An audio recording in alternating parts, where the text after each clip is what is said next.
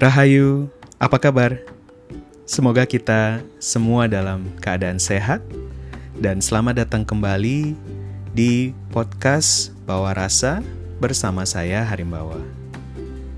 Dalam podcast ini seperti biasa saya akan membahas berbagai topik-topik yang menarik seputar Vedic Astrology atau yang dikenal dengan nama Jyotisha.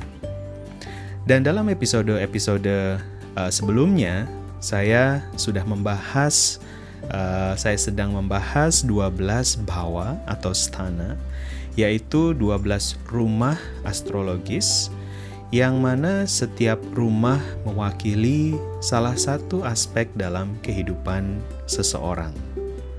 Untuk mengenal atau memahami dan bisa membaca chart lahir dengan baik, maka kita perlu mengenal kedua belas aspek ini. Masing-masing aspek bisa memiliki berbagai macam uh, hal yang terkait dengan uh, atau rumah tersebut. Mulai dari hal-hal yang sifatnya abstrak hingga hal-hal yang sifatnya uh, lebih real ya, lebih tangible. Nah, sebelumnya saya sudah sempat membahas tentang rumah pertama sampai dengan rumah kelima. Dan di dalam episode kali ini saya akan melanjutkan dengan pembahasan tentang rumah keenam atau yang dikenal dengan nama Roga Bhawa.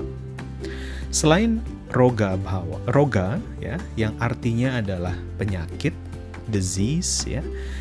Bhawa keenam ini juga dikenal dengan nama Shatru Bhawa atau Ari Bhawa. Shatru atau Ari sama-sama berarti musuh. Selain itu, dia juga dikenal dengan nama Astra Bhawa. Astra berarti senjata, jadi uh, senjata terutama yang kita gunakan untuk bisa mengalahkan musuh kita.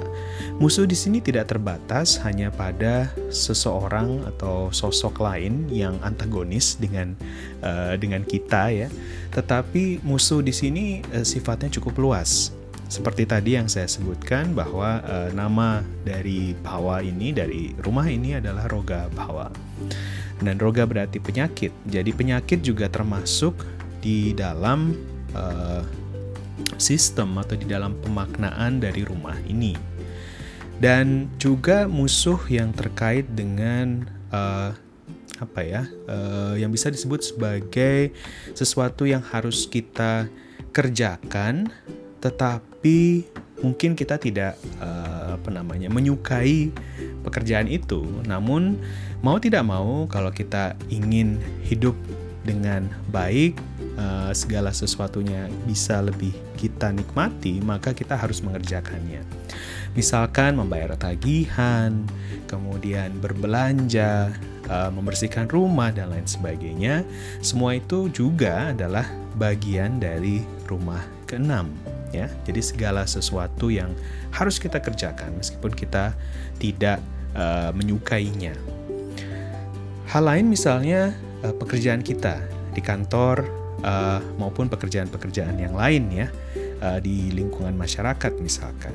Seringkali kita tidak menyukai uh, pekerjaan tersebut, kita tidak secara sukarela melakukannya, tetapi kita uh, terpaksa harus melakukannya karena kita membutuhkan uang atau penghasilan atau kita perlu menjaga hubungan relasi uh, sosial uh, yang baik ya. Jadi itu adalah bentuk dari pengorbanan kita. Selain itu, rumah keenam ini juga disebut sebagai rena bhawa. Rena berarti hutang. Jadi hutang piutang kita itu juga berada di uh, rumah ini. Lalu uh, selain itu bahwa ini juga dikenal dengan nama kshata bahwa, agha bahwa dan sebagainya yang semuanya uh, terkait dengan uh, kehancuran, kemudian kerusakan, penyakit, uh, kemudian kecelakaan, hal-hal yang kita tidak uh, harapkan itu uh, muncul dari rumah keenam ini. Jika dibandingkan dengan rumah ke-8, rumah ke-6 ini punya tema-tema yang mirip ya dengan rumah ke-8.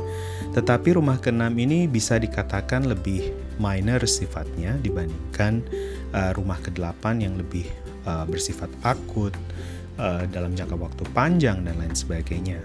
Sedangkan rumah ke-6 ini sifatnya lebih uh, terbatas, kemudian dalam waktu pendek dan sesuatu yang uh, kita bisa uh, apa namanya persiapkan sebelumnya dan bisa kita atasi relatif lebih mudah daripada hal-hal yang terkait dengan rumah ke-8.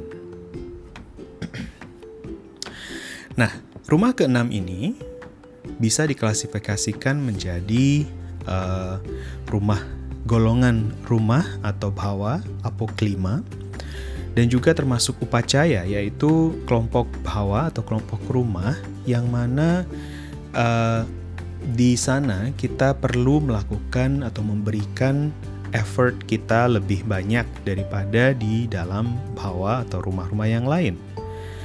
Walaupun demikian, uh, rumah-rumah upacaya biasanya memiliki sifat yang terus bertambah. Jadi ketika kita melakukan sesuatu, misalkan kita mengerjakan suatu uh, pekerjaan, walaupun kita tidak menyukainya dan mungkin kita terpaksa melakukannya, namun lama-kelamaan kita akan semakin mahir di dalam uh, pekerjaan tersebut.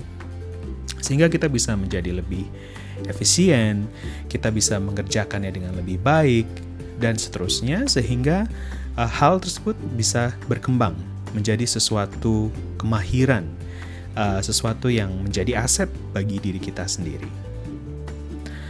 Di samping itu, rumah keenam juga termasuk dalam kelompok tiga rumah yang disebut sebagai Trishadaya. Tri berarti tiga, Shat berarti enam, dan Aya berarti rumah ke-11.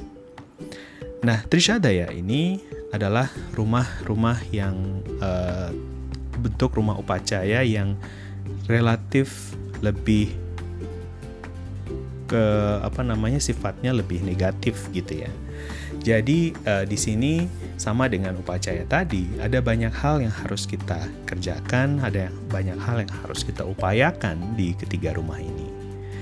Di samping itu, rumah uh, keenam juga tergolong sebagai dustana bawa, yaitu rumah yang memiliki sifat-sifat yang negatif, yang menghancurkan, yang mengantar kita kepada penderitaan, uh, kesengsaraan, amarah, kemudian juga berhubungan dengan uh, uh, kehilangan, kerusakan, dan segala sesuatu yang negatif seperti itu.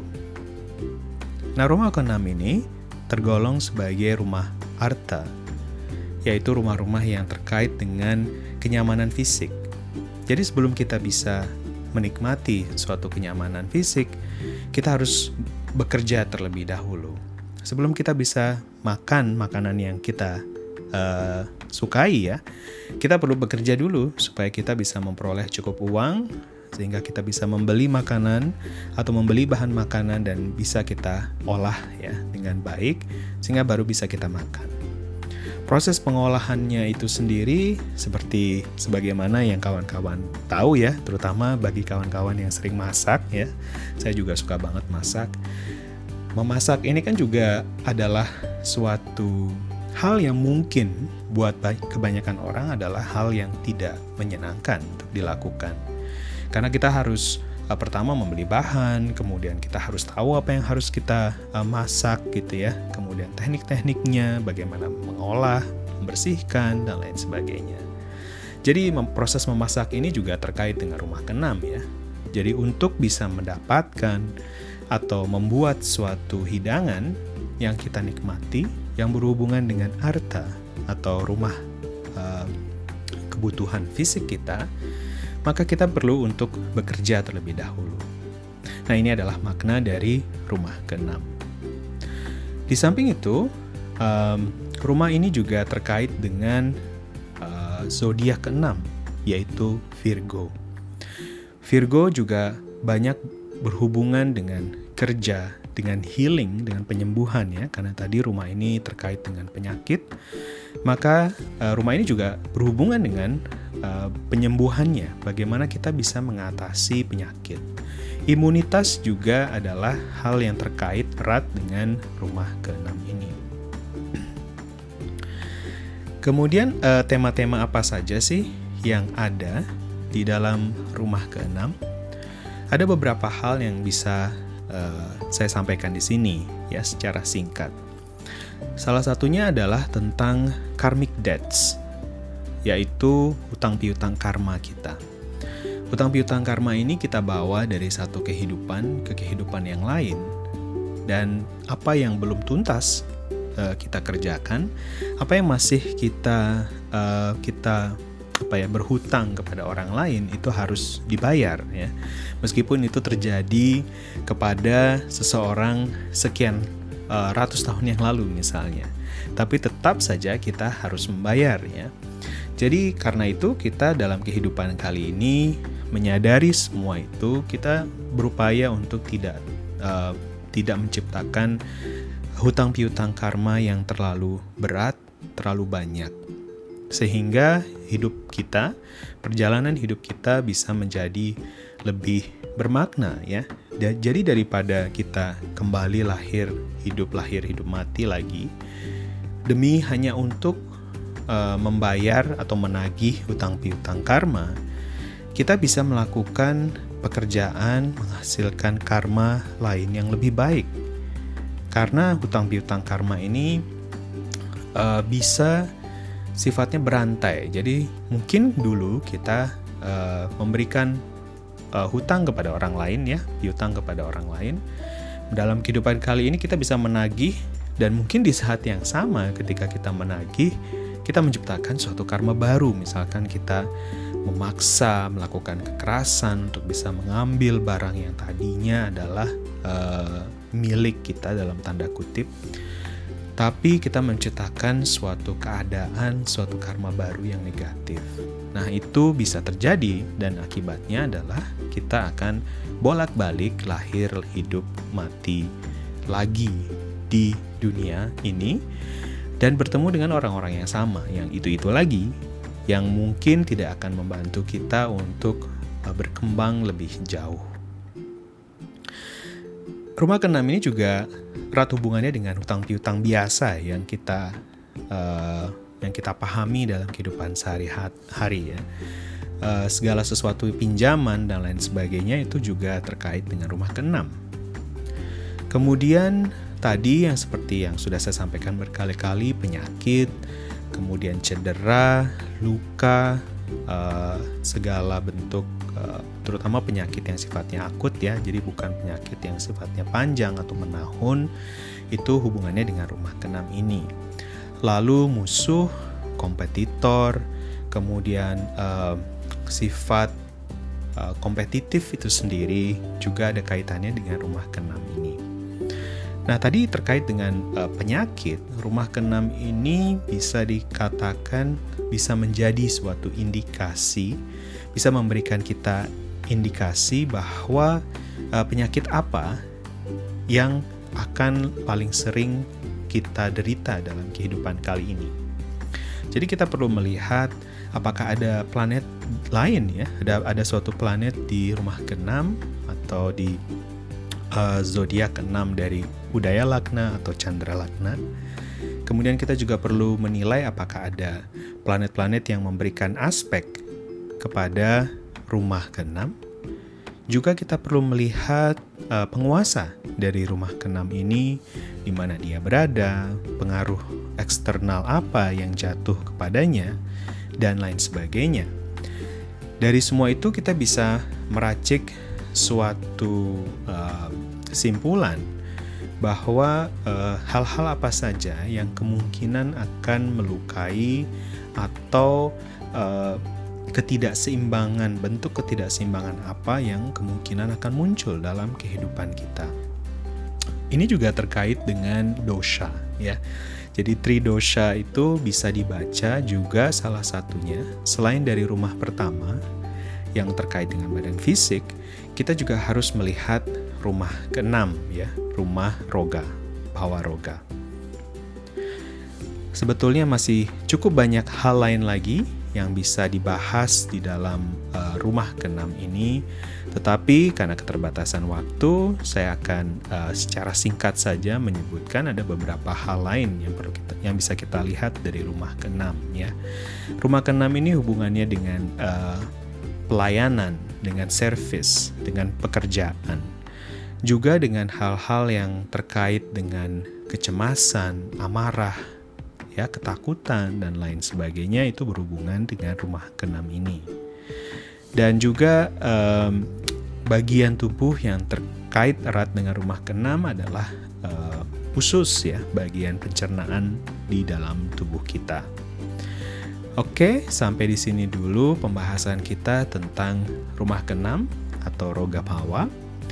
Uh, ikuti terus uh, podcast ini karena setiap minggunya saya berupaya untuk mengupload setidaknya satu uh, podcast uh, yang akan membahas tentang berbagai topik-topik yang menarik seputar Vedic Astrology.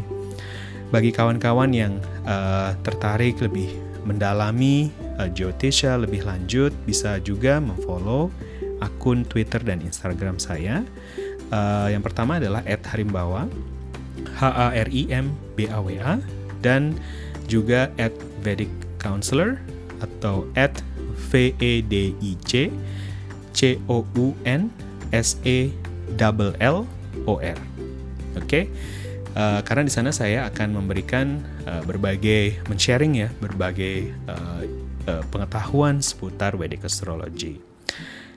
Sampai di sini dulu dan terima kasih sudah mengikuti uh, episode kali ini dan kita berjumpa lagi di kesempatan selanjutnya.